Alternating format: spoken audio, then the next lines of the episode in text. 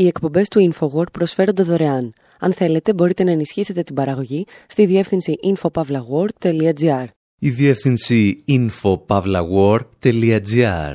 Η εκπομπή InfoWord με τον Άρη Χατζηστεφάνου.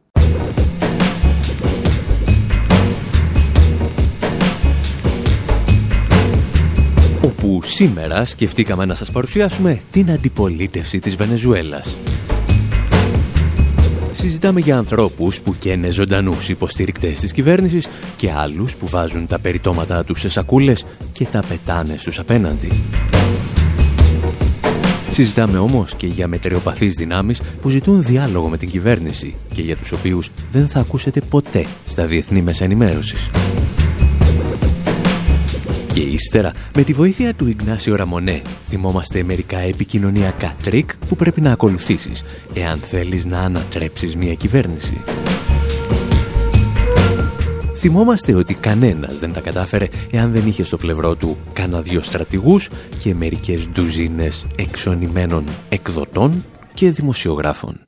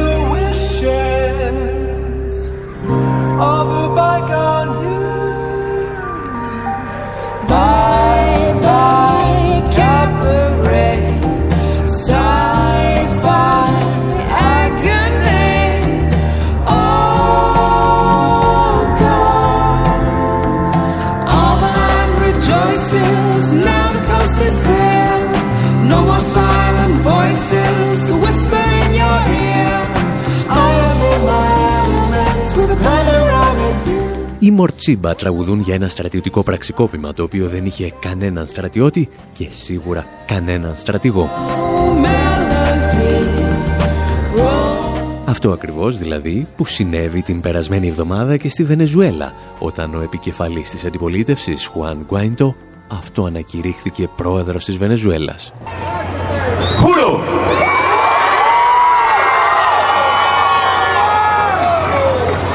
asumir formalmente las competencias. Ορκίζομαι, είπε ο Γκάιντο, να αναλάβω όλες τις αρμοδιότητες της εκτελεστικής εξουσίας σαν μεταβατικός πρόεδρος της Βενεζουέλας, να εξασφαλίσω το τέλος μιας προδοτικής κυβέρνησης και να πραγματοποιήσω ελεύθερες εκλογές. Αν έτσι γίνουν τα πράγματα, ο Θεός και η Πατρίδα θα μας επιβραβεύσουν. Εάν δεν γίνει έτσι, ο Θεός και η Πατρίδα ας το απαιτήσουν.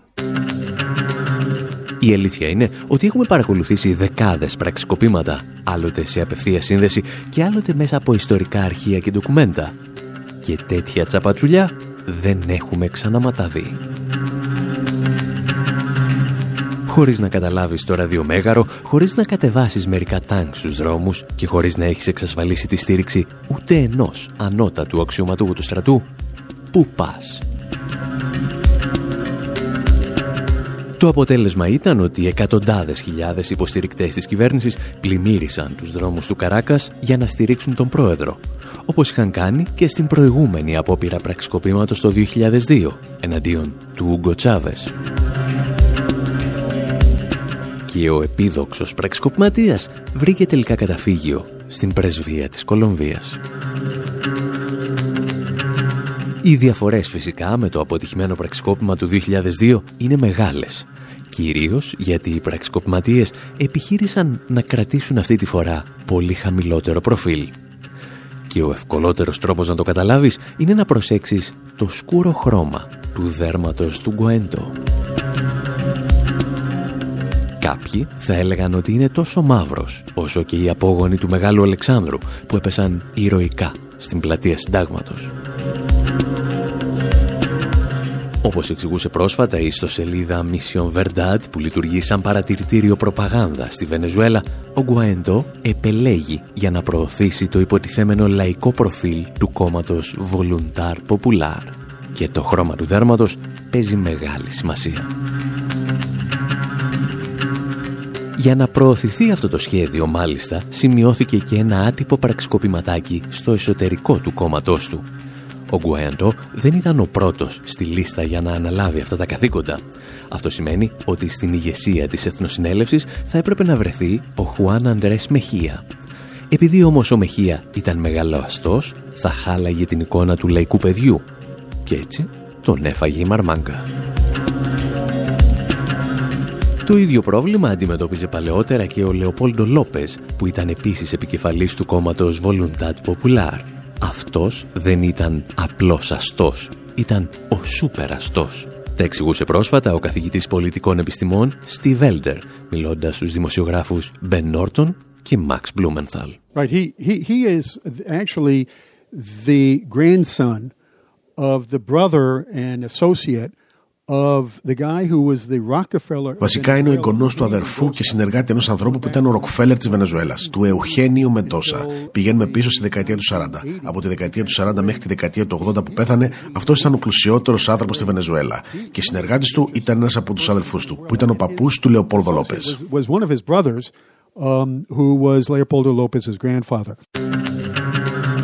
Αποφεύγοντας τους μεγαλοαστούς υποψηφίους, όσοι θέλησαν να ανατρέψουν τον Μαδούρο, ήθελαν να αποφύγουν το λάθος που είχαν κάνει το 2002. Την εποχή δηλαδή που με το αποτυχημένο παρεξικόπημα τοποθέτησαν στη θέση του δοτού προέδρου τον Πέντρο Καρμόνα, πρόεδρο του πανίσχυρου συνδέσμου επιχειρηματιών της Βενεζουέλας. Ως γνωστόν όμως, το να τοποθετείς μη εκλεγμένους τραπεζίτες και επιχειρηματίες σαν προέδρους και πρωθυπουργούς είναι τόσο ξεπερασμένο, ώστε παρατηρείται πλέον μόνο σε βαθιά αυταρχικά και οπισθοδρομικά καθεστώτα που συναντώνται μόνο στην Ευρωπαϊκή Ένωση και σίγουρα όχι στη Λατινική Αμερική. Ποια είναι όμως τελικά αυτή η δεξιά αντιπολίτευση της Βενεζουέλας που επιθυμεί να λάβει με κάθε τρόπο την εξουσία; Καταρχήν δεν είναι μία και κατά δεύτερον δεν θέλει αναγκαστικά την εξουσία με κάθε τρόπο. Αυτά όμως θα τα συζητήσουμε σε λίγο.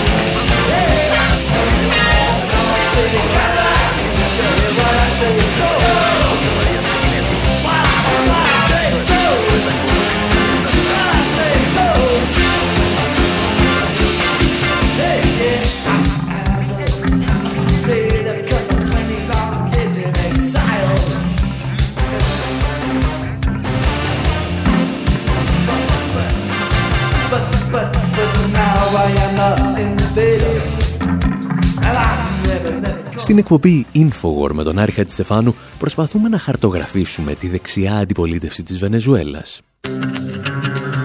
Η εικόνα που αποκομίζεις, εάν παρακολουθήσεις τα διεθνή μέσα ενημέρωσης, είναι ότι η αντιπολίτευση στη Βενεζουέλα αποτελεί ένα συμπαγές σώμα ηρωικών πολιτικών, οι οποίοι εκπροσωπούν όλους τους υπόδουλους Βενεζουελάνους. Καταρχήν, βέβαια, η αντιπολίτευση δεν πλειοψηφεί και αυτό της το απέδειξε ο λαός της Βενεζουέλας σε περίπου 25 εκλογικές αναμετρήσεις, από τις οποίες η δεξιά αντιπολίτευση κέρδισε δύο ή τρεις φορές. Σύμφωνα μάλιστα με δικά τους Γκάλοπ, η αποδοχή τους από τον κόσμο είναι σήμερα κάτω από το 20%. Χαμηλότερη δηλαδή και από αυτή του Μαδούρου. Κυρίως όμως, αυτό το πολιτικό σώμα δεν είναι συμπαγές. Για την ακρίβεια, είναι τόσο διασπασμένο που θα έκανε τα κόμματα της εξοκοινοβουλευτικής αριστεράς της Ευρώπης να τρομάζουν από το φραξιονισμό. Τα εξηγούσε με ολίγη περισσότερη σοβαρότητα ο Γκρέγκορι Βίλπερτ, αρχισυντάκτης του The Real News Network και συγγραφέας του βιβλίου Changing Venezuela. They're internally very divided. That's the other thing that they're going against them. Uh, there's the radical opposition that wants to do an insurrection basically. Είναι πολύ διχασμένοι εσωτερικά και αυτό είναι εναντίον τους. Υπάρχει ριζοσπαστική αντιπολίτευση που κατά βάση θέλει να κάνει μια εξαγέρση. Αλλά υπάρχει και ένα μέρος της αντιπολίτευσης που θα προτιμούσε μια πιο ομαλή μετάβαση σε μια νέα κυβέρνηση. Αυτή διαπραγματεύεται με το Μαδούρο και απορρίπτει αυτά τα καλέσματα βίας. Στην πραγματικότητα, αρκετοί σημαντικοί ηγέτες αντιπολίτευσης έχουν ήδη δηλώσει ότι δεν θέλουν να αναγνωρίσουν τον Γκουαΐντο ως πρόεδρο της Βενεζουέλας.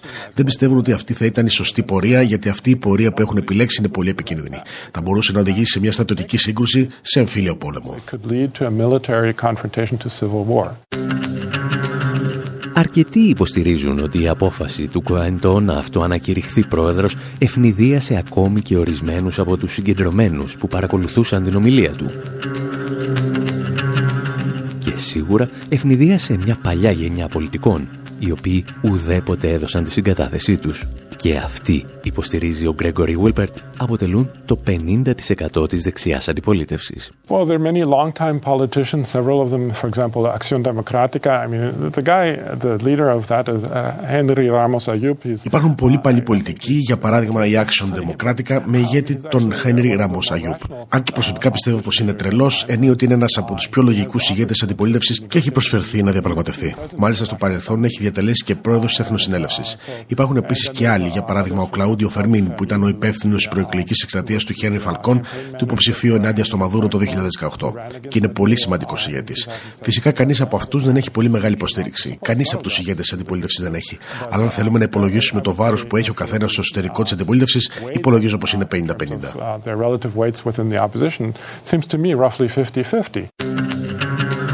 Το πρόβλημα είναι ότι στη Δύση δεν μαθαίνουμε σχεδόν ποτέ για την ύπαρξη μιας μετριοπαθούς δεξιάς αντιπολίτευσης στη Βενεζουέλα.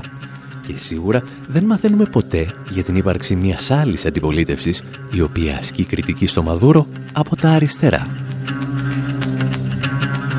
Μια αντιπολίτευση η οποία βρίσκεται ακόμη και στο εσωτερικό του κόμματός του και τον κατηγορεί ότι το τελευταίο διάστημα έχει επιβάλει αρκετά νεοφιλελεύθερα μέτρα.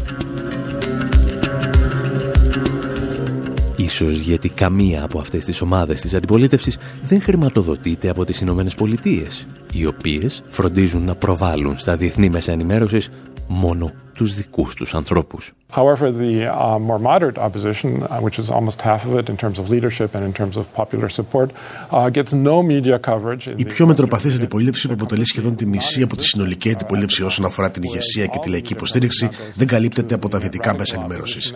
Αυτή τη στιγμή είναι παντελώς ανύπαρκτη. Αντιθέτως, όλη η κάλυψη από τα μέσα ενημέρωσης εστιάζει στη ριζοσπαστική αντιπολίτευση και αυτή τελικά κερδίζει όλη τη διεθνή υποστήριξη, κυρίως από την κυβέρνηση των ΗΠΑ. Αυτό είναι ένας από τους λόγους που η πιο μετροπαθής αντιπολίτευση έχει υπονομευθεί και αποδυναμωθεί εντελώς. Αλλά πιστεύω ότι η μόνη επιλογή είναι μέσω μιας διαπραγμάτευσης μεταξύ της κυβέρνησης και της μετριοπαθούς αντιπολίτευσης.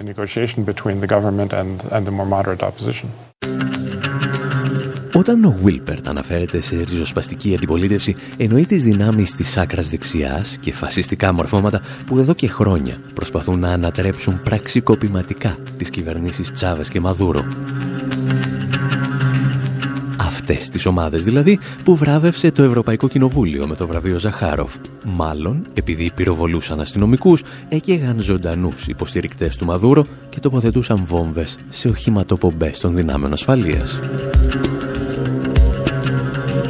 Τα εξηγούσε ο καθηγητής πολιτικών επιστημών Steve Elner.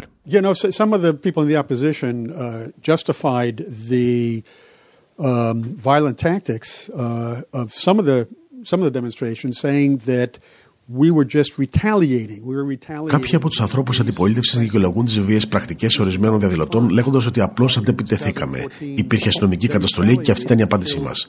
Το 2014, όταν αντιπιτέθηκαν, όπως λένε, σκότωσαν έξι εθνοφρουρούς και έναν ή δύο αστυνομικού.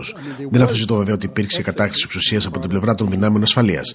Και κάποιοι από τους εθνοφρουρούς και από τις δυνάμεις ασφαλείας τελικά φυλακίστηκαν μετά τις διαδηλώσεις του 2017. Αλλά η αλήθεια είναι ότι στις ΗΠΑ, στον Καναδά ή σε άλλες ανεπτυγμένες χώρες στον κόσμο, αν οι διαδηλωτές πυροβολούσαν αστυνομικού ή εθνοφρουρού, ξέρουμε πολύ καλά ποια θα ήταν τα αποτελέσματα.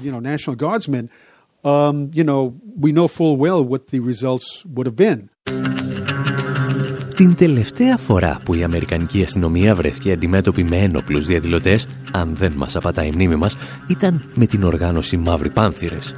Και την αντίδρασή της την θυμόμαστε. Η αστυνομία άρχισε να εκτελεί δεκάδες μέλη της οργάνωσης και να φυλακίζει τα υπόλοιπα. Όταν όμως οι ένοπλοι είναι δικά μας παιδιά, μπορούμε να περιγράφουμε με υπερηφάνεια τα έργα τους. Τα εξηγούσε ο δημοσιογράφος Max Blumenthal. the New York Times and, and many other corporate media outlets right, just publishing these hagiographies about Leopoldo Lopez as the savior of the world. What's even Η New York Times και πολλά άλλα μέσα ενημέρωσης δημοσίευσαν αγιογραφίες για τον Λεοπόλδο Λόπες ως σωτήρα του κόσμου. Και αυτό που είναι ακόμα πιο τρελό είναι ότι δημοσίευσαν ακόμα και άρθρα που παραδέχονταν ότι η αντιπολίτευση διεξήγει έναν πόλεμο ενάντια στο κράτος Βενεζουέλας. Θυμάμαι την Washington Post που δημοσίευσε ένα σχεδόν σουρεαλιστικό θέμα. Παρουσίαζε όλες τις δημιουργικέ χρήσει όπλων που είχε εφεύρει η αντιπολίτευση. Όπως το να κολλάς καρφιά στην άκρη κονταριών και να φτιάχνεις αυτοσχέδια όπλα. Βλέπουμε επίσης Ολμοβόλα, κάτι πολύ παρόμοιο με την Ικαράγουα που τα μέσα ενημέρωσης δεν ξέπλαιναν απλώς τη βία, αλλά με κάποιου τρόπου όπως επιδοκίμαζαν την εφευρετικότητα των νέων μορφοβίας που ασκούσε η αντιπολίτευση. praising the ingenuity of the new forms of violence that the opposition was carrying out. Ως γνωστόν, η Washington Post είναι κάτι σαν τον τσελεμεντέ του αναρχικού, στηρίζοντας νέες τεχνικές στο Αντάρτικο πόλεον. Αρκεί οι αντάρτες να είναι ελαφρώς φασίστες και κυρίως να χρηματοδοτούνται από τις Ηνωμένες Πολιτείες.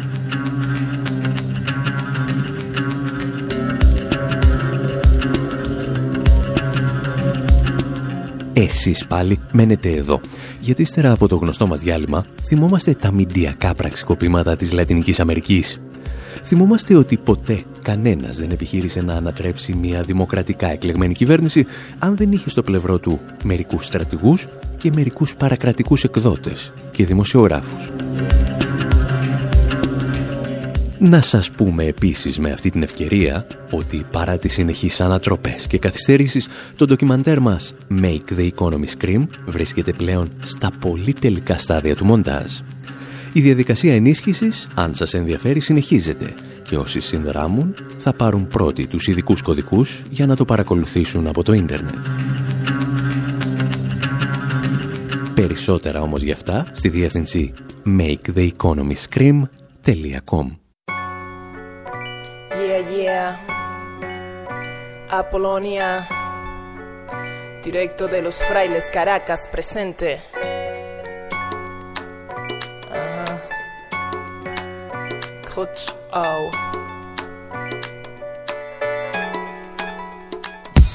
Noche cae sin piedad, es el ocaso de un día de frustraciones poblado de ansias y de malicias. El malandreo se siente aún en el menos fuerte que tú menos te esperas. Te jode se desentiende. Hablo de supervivencia, pues esto es lo que me toca. Pienso en los tiempos mejores, el cuyo anhelo me ahoga. Porque confiamos siempre todo al más pilas. Nuestra moral pisoteada agoniza cada día de quienes somos ahora, sombras de lo que un día fuimos, unos pa' bien, otros pa' mal y a la final es el mismo, el mar de la incertidumbre en el que todos nadamos, eso de mantenerse a flote es trabajo pesado, como la gente que muere solo por estar marchando, es por los muertos en vida porque no están educados, el confundir información con fanatismo no es sano, el que nos dejen la opción de decidir es avaro, y hablan de revolución, no dicen dónde comienza, acecha la oposición, que nada mejor inventa, los dos discursos contrarios, pero si escuchas y observas encontrarás un fin común nunca es defalcar esta tierra. ¿Qué caso tiene estar con vida en semejante estado de intolerancia inconsciencia y cuerpos desarmados? ¿Valdrá la pena tanta lucha en tanto desengaño? Pensar dos veces es mejor y seguir intentando. ¿Qué caso tiene estar con vida en semejante estado de intolerancia inconsciencia y cuerpos desarmados? ¿Valdrá la pena tanta lucha en tanto desengaño? Pensar dos veces es mejor y seguir. No me voy a disculpar por zona radical, porque es tan triste dar todo y no llegar jamás a realizarse en el bien de una comunidad en un país en el que siempre se pueda contar. Ponle más curiosidad, hablo yo de honestidad, contigo mismo primero y luego con los demás. Calculen esta ecuación y el resultado final será la revolución que en tu alma ha de empezar. No son las boinas rojas, no son las franelas negras, ni es el comercio vulgar con nuestra bella bandera. Hay que dejar de las piedras y esconder la mano, y mucho menos echar la culpa los pies de tu hermano. No sé yo qué es la moral, más me inculcaron principios. Me duele ver cómo caemos en un gran abismo. Conservo aún la ilusión de un día que criar mis hijos en libertad y confianza, sin paranoias ni tiros. Esto es por la paz, Venezuela. A toda la gente que labora en el suspiro de un mejor camino. Tiene caso estar con vida en este bello país de esperanza y enseñanza de belleza y sentir. Vale la pena tanta lucha para luego surgir. Cual ave fénix de la ceniza, un mejor porvenir. Si tiene caso estar con vida en este bello país de esperanza y enseñanza de belleza y sentir. Vale la pena tanta lucha para luego surgir. Cual ave fénix de la ceniza, un mejor porvenir. Venezuela. A toda esa gente que labora en el suspiro de un mejor camino toda mi gente de Caracas, yeah, Katia, Petare, de Mecedores al Valle, todas las ciudades y estados, 23 millones de personas, son 23 millones de razones. Pa'lante, que para luego es tarde, yeah, 2003, Cool Show, Apollonia, Collabo.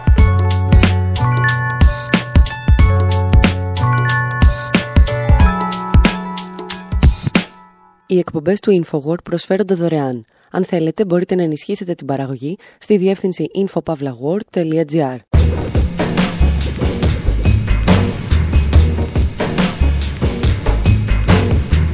Εκπομπής InfoWord, μέρος δεύτερο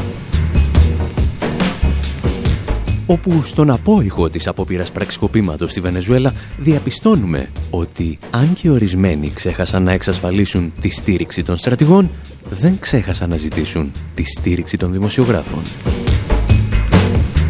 Συζητάμε με τον συγγραφέα και πρώην διευθυντή της Μον Diplomatique Ιγνάσιο Ραμονέ για τον τρόπο με τον οποίο διαχειρίζονται τα διεθνή μέσα ενημέρωσης την εικόνα της Βενεζουέλας θυμάται για εμάς ιστορίες από την Κούβα, τη Χιλή και την Νικαράγουα και αναρωτιέται εάν τελικά έχει αλλάξει το παραμικρό από το εγχειρίδιο ανατροπής αριστερών κυβερνήσεων.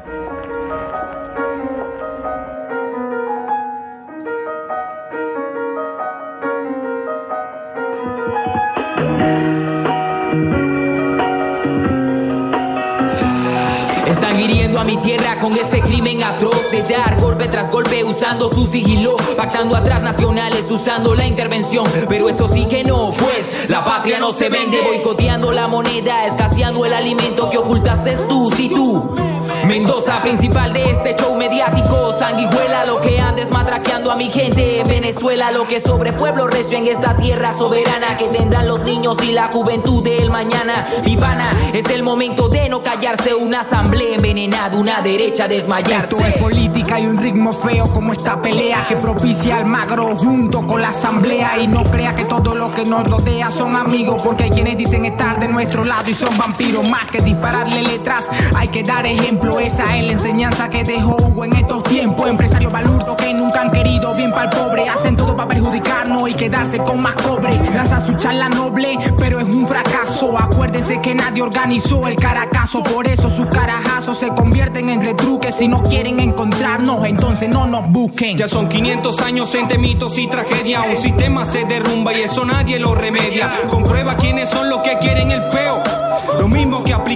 la muerte y el saqueo. Quieren echarle leña y combustible a la candela. Una revolución no se frena, duélale a quien le duela. De este sistema moribundo no quedará secuela. Por eso en el mundo se habla de Chávez y Venezuela. Tierra victoriosa e histórica, ¿me entiendes? Quieren aplicar la misma que a Salvador Allende. Pero se encontraron con un pueblo guerrero y de frente. Que intentarán matar por la barriga y por la mente. Nadie nos dijo a nosotros que esto sería fácil. Enfrentar al enemigo de los pueblos que está en crisis. Él solo se alimenta de petróleo y de poder. Es algo que no lo entienden y no lo pueden detener. Quien auspicia esta crisis es el mismo que se autopromociona. Pobre de aquel que sin pensar a su misma clase traiciona la conciencia en coma, el discernimiento en el reaccionario, lo contradictorio, la víctima. Llamando el victimario. Aquí nos declararon la guerra, define en qué lado está. De lo diferente y lo alternativo, la debacle del capital. La revolución irrumpe y defiende. Si se prende el peo, lo mínimo que esperamos es que no andes con guabineo, dogmáticos, religiosos, fanáticos. Η Μούτσο Κούμο που ακούτε είναι ένα από τα πιο πολιτικοποιημένα συγκροτήματα της βενεζουελάνικης hip-hop σκηνής και είναι τόσο υπέρ του Τσάβες που υποπτευόμαστε ότι ενδέχεται να διαφωνούσε μαζί τους και ο ίδιος. Στο συγκεκριμένο τραγούδι μιλάνε για διεφθαρμένους πολιτικούς και δημοσιογράφους, αλλά και για τις συνεχείς απειλές των Ηνωμένων Πολιτειών για επέμβαση. Και ο τίτλος του τραγουδιού «Σε καιρό πολέμου». Είτε συμφωνεί είτε διαφωνεί κάποιος μαζί τους, η Βενεζουέλα βρίσκεται σε πόλεμο εδώ και σχεδόν δύο δεκαετίες. Και το σημαντικότερο όπλο που χρησιμοποιείται εναντίον της είναι τα μέσα ενημέρωσης. Food riots and looting. This is now the only daily diet Venezuelans can count on. Violent protesters stormed the National Assembly Sunday, even punching some lawmakers. Chaos and corruption. Παρακολουθώντας τα διεθνή μέσα ενημέρωσης, σχηματίζει την εντύπωση ότι στη Βενεζουέλα επικρατεί διαρκώς γενικευμένη ανομία, οι άνθρωποι πυροβολιούνται στους δρόμους και φυσικά δεν έχουν ποτέ μα ποτέ χαρτί υγείας για να σκουπίσουν αυτά που δεν παράγουν, αφού σχεδόν ποτέ δεν έχουν και τίποτα να φάνε. Και ενώ η κατάσταση είναι πραγματικά πάρα πάρα πολύ δύσκολη, αρκεί να περπατήσεις μια ημέρα στο Καράκας για να συνειδητοποιήσεις ότι δεν έχει την παραμικρή σχέση με όσα ακούς και διαβάζεις στα ξένα μέσα ενημέρωσης. Και αυτό δεν είναι κάτι καινούριο. Όπως εξήγησε στο Infogor ο Ιγνάσιο Ραμονέ, συγγραφέας και πρώην διευθυντής της Mon Diplomatique, η εκστρατεία παραπληροφόρησης για τη Βενεζουέλα ξεκίνησε από τις πρώτες εβδομάδες διακυβέρνησης του Τσάβες. La campaña mediática contra Venezuela empezó desde que arrancó la revolución bolivariana. Η εκστρατεία των μέσων ενημέρωση κατά τη Βενεζουέλα ή κατά του Τσάβε ξεκίνησε στου δύο μήνε που είχε αναλάβει την ηγεσία ο Τσάβε, όταν ακόμα δεν είχε δηλώσει ότι ο στόχο του είναι η δημιουργία μια σοσιαλιστική κυβέρνηση. Αυτό το έκανε αργότερα το 2005. Ακόμη όμω και στου πρώτου δύο μήνε τη θητεία του, τα μέσα ενημέρωση μιλούσαν για ένα δικτάτορα, για έναν Χίτλερ.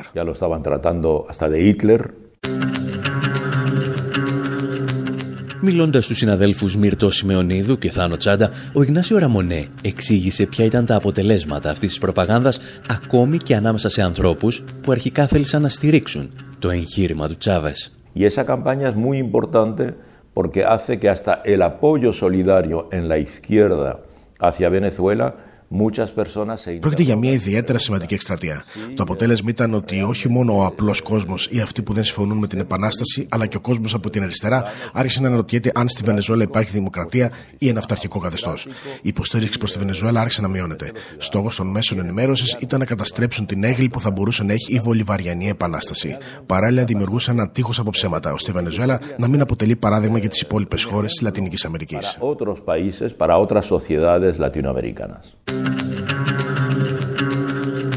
Η προσωπική μου επαφή με αυτό το είδος της παραπληροφόρησης ήρθε εκείνο το πρωινό του 2002, όταν πραξικοπηματίες με τη στήριξη των ΗΠΑ επιχείρησαν να ανατρέψουν τον δημοκρατικά εκλεγμένο πρόεδρο της Βενεζουέλας. Στην αίθουσα σύνταξης του BBC World Service στο Λονδίνο επικρατούσε μια περίεργια μηχανία Σχεδόν 48 ώρες μετά την εκδήλωση του πραξικόπηματος, κανένα κείμενο του BBC δεν χρησιμοποιούσε τις λέξεις πραξικόπημα, δικτατορία ή έστω ανατροπή μιας δημοκρατικά εκλεγμένης κυβέρνησης. Όλα τα μέσα ενημέρωσης προτιμούσαν τότε, με τον ένα ή τον άλλο τρόπο, να αναμασούν τις ανακοινώσεις του State Department. Γνωρίζουμε ότι η κρίση προκλήθηκε από ενέργειες της κυβέρνησης Τσάβες. Η κυβέρνηση απαγόρευσε την πραγματοποίηση ειρηνικών διαδηλώσεων. Άνοιξε πύρ εναντίον άοπλων διαδηλωτών με αποτέλεσμα να σκοτωθούν 10 και να τραυματιστούν άλλοι 100. Ύστερα από αυτές τις εξελίξεις συστάθηκε προσωρινή κυβέρνηση για τη διακυβέρνηση της χώρας. Σχεδόν κάθε λέξη από την ανακοίνωση του State Department ήταν ψευδής ή κατάλληλα τοποθετημένη στην πρόταση για να δημιουργεί λανθασμένες εντυπώσεις. Παρ' όλα αυτά, ήταν η συγκεκριμένη ανακοίνωση που έδωσε τη γραμμή στη συντριπτική πλειονότητα των διεθνών μέσων ενημέρωσης. Και αυτή η γραμμή δεν άλλαξε ποτέ. Είτε στην Προεδρία των Ηνωμένων Πολιτειών βρισκόταν ο George Bush ή ο νομπελίστας της ειρήνης Μπαράκ Ομπάμα ή αυτός ο διαβολικά καλός πρόεδρος των Ηνωμένων Πολιτειών, Ντόναλτ Τραμπ. Στο πέρασμα των χρόνων, αμερικανικά και ευρωπαϊκά μέσα ενημέρωσης έδωσαν τον καλύτερό τους σε αυτό, με παρεμβάσεις που συχνά περνούν απαρατήρητες στο ευρύ κοινό. Αποτελούν όμως στοχευμένες επιχειρήσεις επηρεασμού της κοινής γνώμης. Ο Ιγνάσιο Ραμονέ θυμήθηκε για εμάς ένα από τα εκατοντάδες περιστατικά των τελευταίων δύο δεκαετιών. Uno de los periódicos europeos que más eh, ataca a Venezuela y que más desforma Ένα από τα ευρωπαϊκά μέσα ενημέρωσης που επιτίθεται περισσότερο στην Βενεζουέλα είναι η εφημερίδα El País της Ισπανίας. Θυμάμαι όταν ο Τσάβες βρισκόταν σε χειρουργείο, είχε δημοσιεύσει στην πρώτη σελίδα μια φωτογραφία του Τσάβες στο χειρουργείο για να δείξει την αδυναμία του ηγέτη και έτσι την αδυναμία της Επανάστασης. Έγραφε ότι αν δεν χειρουργηθεί αμέσως θα πεθάνει. Αυτό δεν αποτελούσε είδηση γιατί όλος ο κόσμος το ήξερε. Ο Τσάβες ήταν άρρωστος και σίγουρα θα περνούσε από χειρουργείο. Ύστερα από μερικές ώρες όμως αποδείχθηκε ότι ακόμη και αυτή η φωτογραφία ήταν ψεύτικη. Πάρθηκε από ένα βίντεο πέντε χρόνων πριν και δεν ήταν καν ο Τσάβες ο ασθενής. Αυτό είναι ένα μόνο παράδειγμα για το πώς πολύ ισχυρά μέσα, όπως οι Ελπαεί που υποτίθεται έχουν κύρος, δημοσίευαν πληροφορίες για να βλάψουν τον Ούγκο Τσάβες.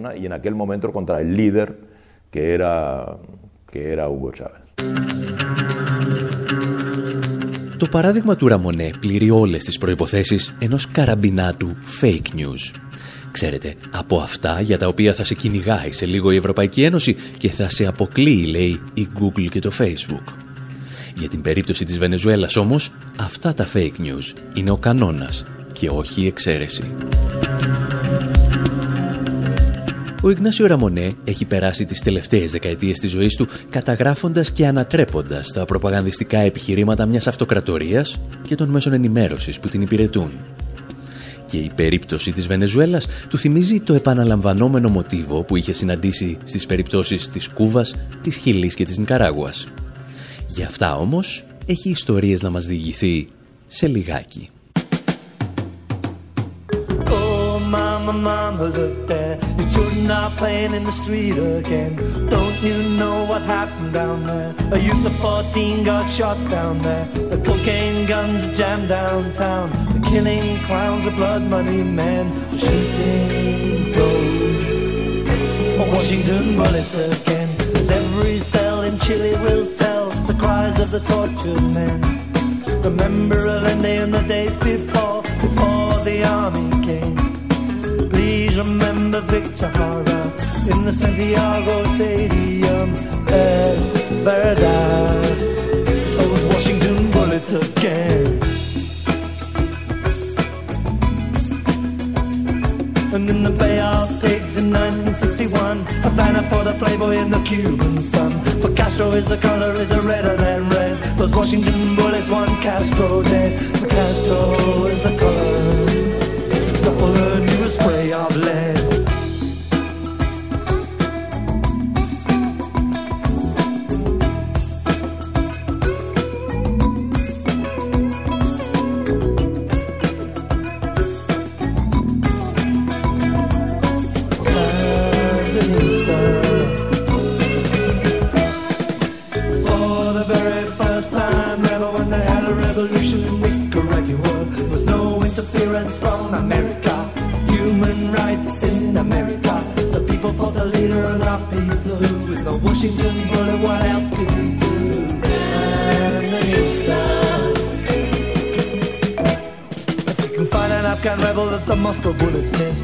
him what he thinks of voting communist. Ask the Dalai Lama in the hills of Tibet. How many monks did the Chinese get in a war-torn swamp? Stop any mercenary and check the British bullets in his armory.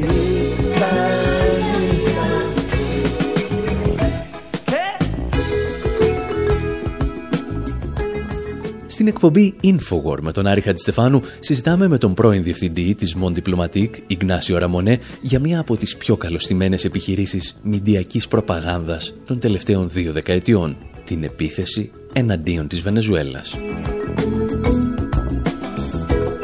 Όχι γιατί τα πράγματα είναι ρόδινα στη Βενεζουέλα. Ακριβώς το αντίθετο. Και μάλιστα ο Τσάβες και ο Μαδούρο έχουν τεράστιο μερίδιο ευθύνης αλλά γιατί στη συντριπτική τους πλειονότητα τα ρεπορτάζ που φτάνουν σε εμάς είναι ψευδή ή παραπλανητικά.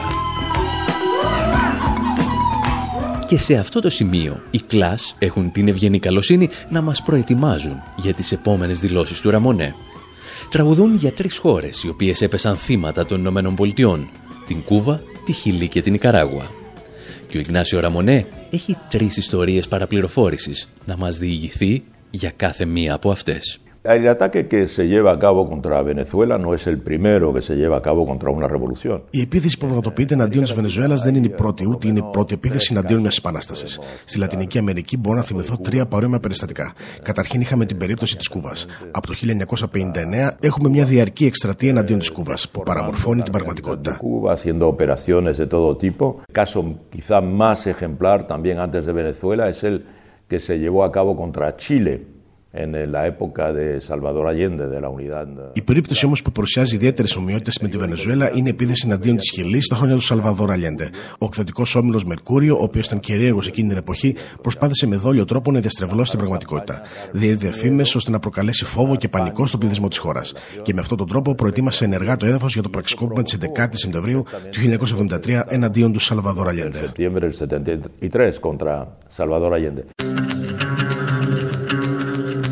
Οι ομοιότητες με τη Χιλή είναι πραγματικά εντυπωσιακές.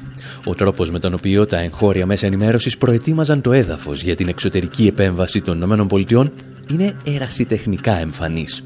Θα λέγαμε ότι αποδεικνύει πως οι Αμερικανικές Υπηρεσίες Πληροφοριών και το State Department δεν μπήκαν στον κόπο να ανανεώσουν τα εγχειρίδια προπαγάνδας τους από το 1973. Και η ιστορία συνέχισε να επαναλαμβάνεται μονότονα είχε έρθει η σειρά της Νικαράγουας να γνωρίσει πως τα τοπικά μέσα ενημέρωσης μπορούν να μετατραπούν σε πηγές παραπληροφόρησης για ολόκληρο τον πλανήτη. Κυρίως όμως πώς να προετοιμάζεις το έδαφος για μια εξωτερική επέμβαση. Y también en Nicaragua, después de 1979, con la revolución sandinista, El grupo La Prensa, se llamaba La Prensa. Στην Ικαράγουα, κατά τη διάρκεια της επανάστασης των Σαντινίστας, υπήρχε επίσης ένας κυρίαρχος όμιλος μέσων ενημέρωσης που ξεκίνησε εκστρατεία παραπληροφόρησης. Ο στόχος τους ήταν να προκαλέσουν την παρέμβαση των ΗΠΑ για την υποστήριξη των κόντρας. Δημιούργησαν έτσι μια εικόνα σε διεθνές επίπεδο, η οποία παραμόρφωνε ολοκληρωτικά όσα συνέβαιναν στην Ικαράγουα.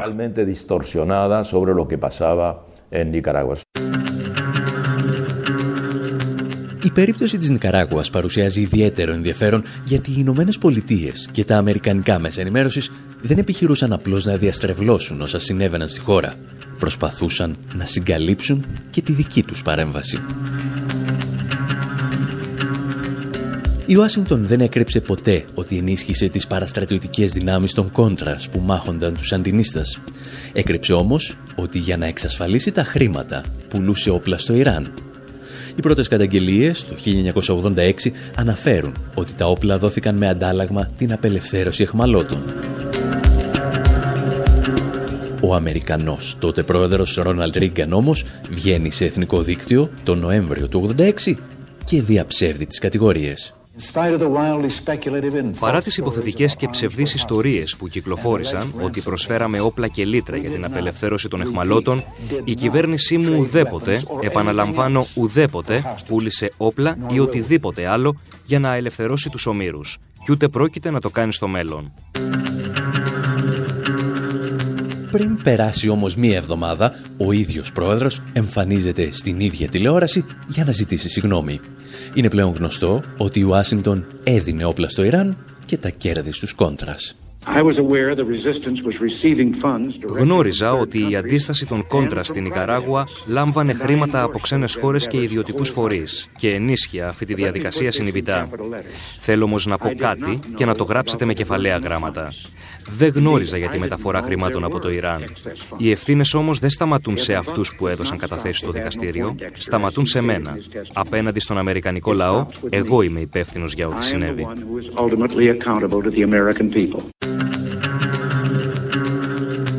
Ένας μετά τον άλλο, Αμερικανοί αξιωματούχοι αναγκάζονται να παραδεχτούν την ενοχή τους. Πρώτος, ο συνταγματάρχης Όλιβερ Νόρθ, στρατιωτικός τέλεχος στο πανίσχυρο Συμβούλιο Εθνικής Ασφαλείας. Ήταν ο άνθρωπος που είχε προτείνει τη χρηματοδότηση των τάγματων θανάτου στην Ικαράγουα. Εγώ το έκανα. Όπως είπα και στην προηγούμενη κατάθεσή μου, δεν αισθάνομαι ντροπή για τις πράξεις μου. Μου ανέθεσαν μία αποστολή και προσπάθησα να τη φέρω εις πέρας. Εάν αναρωτιέστε τι απέγινε ο Όλιβερ Νόρθ ύστερα από αυτή την αποκάλυψη, η απάντηση είναι δημοσιογράφος. Εδώ και δεκαετίες εμφανίζεται άλλοτε ως προσκεκλημένος και άλλοτε ως οικοδεσπότης σε δημοσιογραφικές εκπομπές στην τηλεόραση και το ραδιόφωνο για θέματα άμυνας και εξωτερικής πολιτικής. Γιατί, ως γνωστόν, τα παιδιά του Ρίγκαν, όπως και της Θάτσερ, γίνονται συχνά οι πιο επιτυχημένοι δημοσιογράφοι. Και πριν από μερικές εβδομάδες ανακοινώθηκε ότι ο Όλιβερ Νόρθ θα είναι και ο νέος πρόεδρος της NRA, δηλαδή του λόμπι που μάχεται για το δικαίωμα της οπλοκατοχής στις Ηνωμένες Πολιτείες.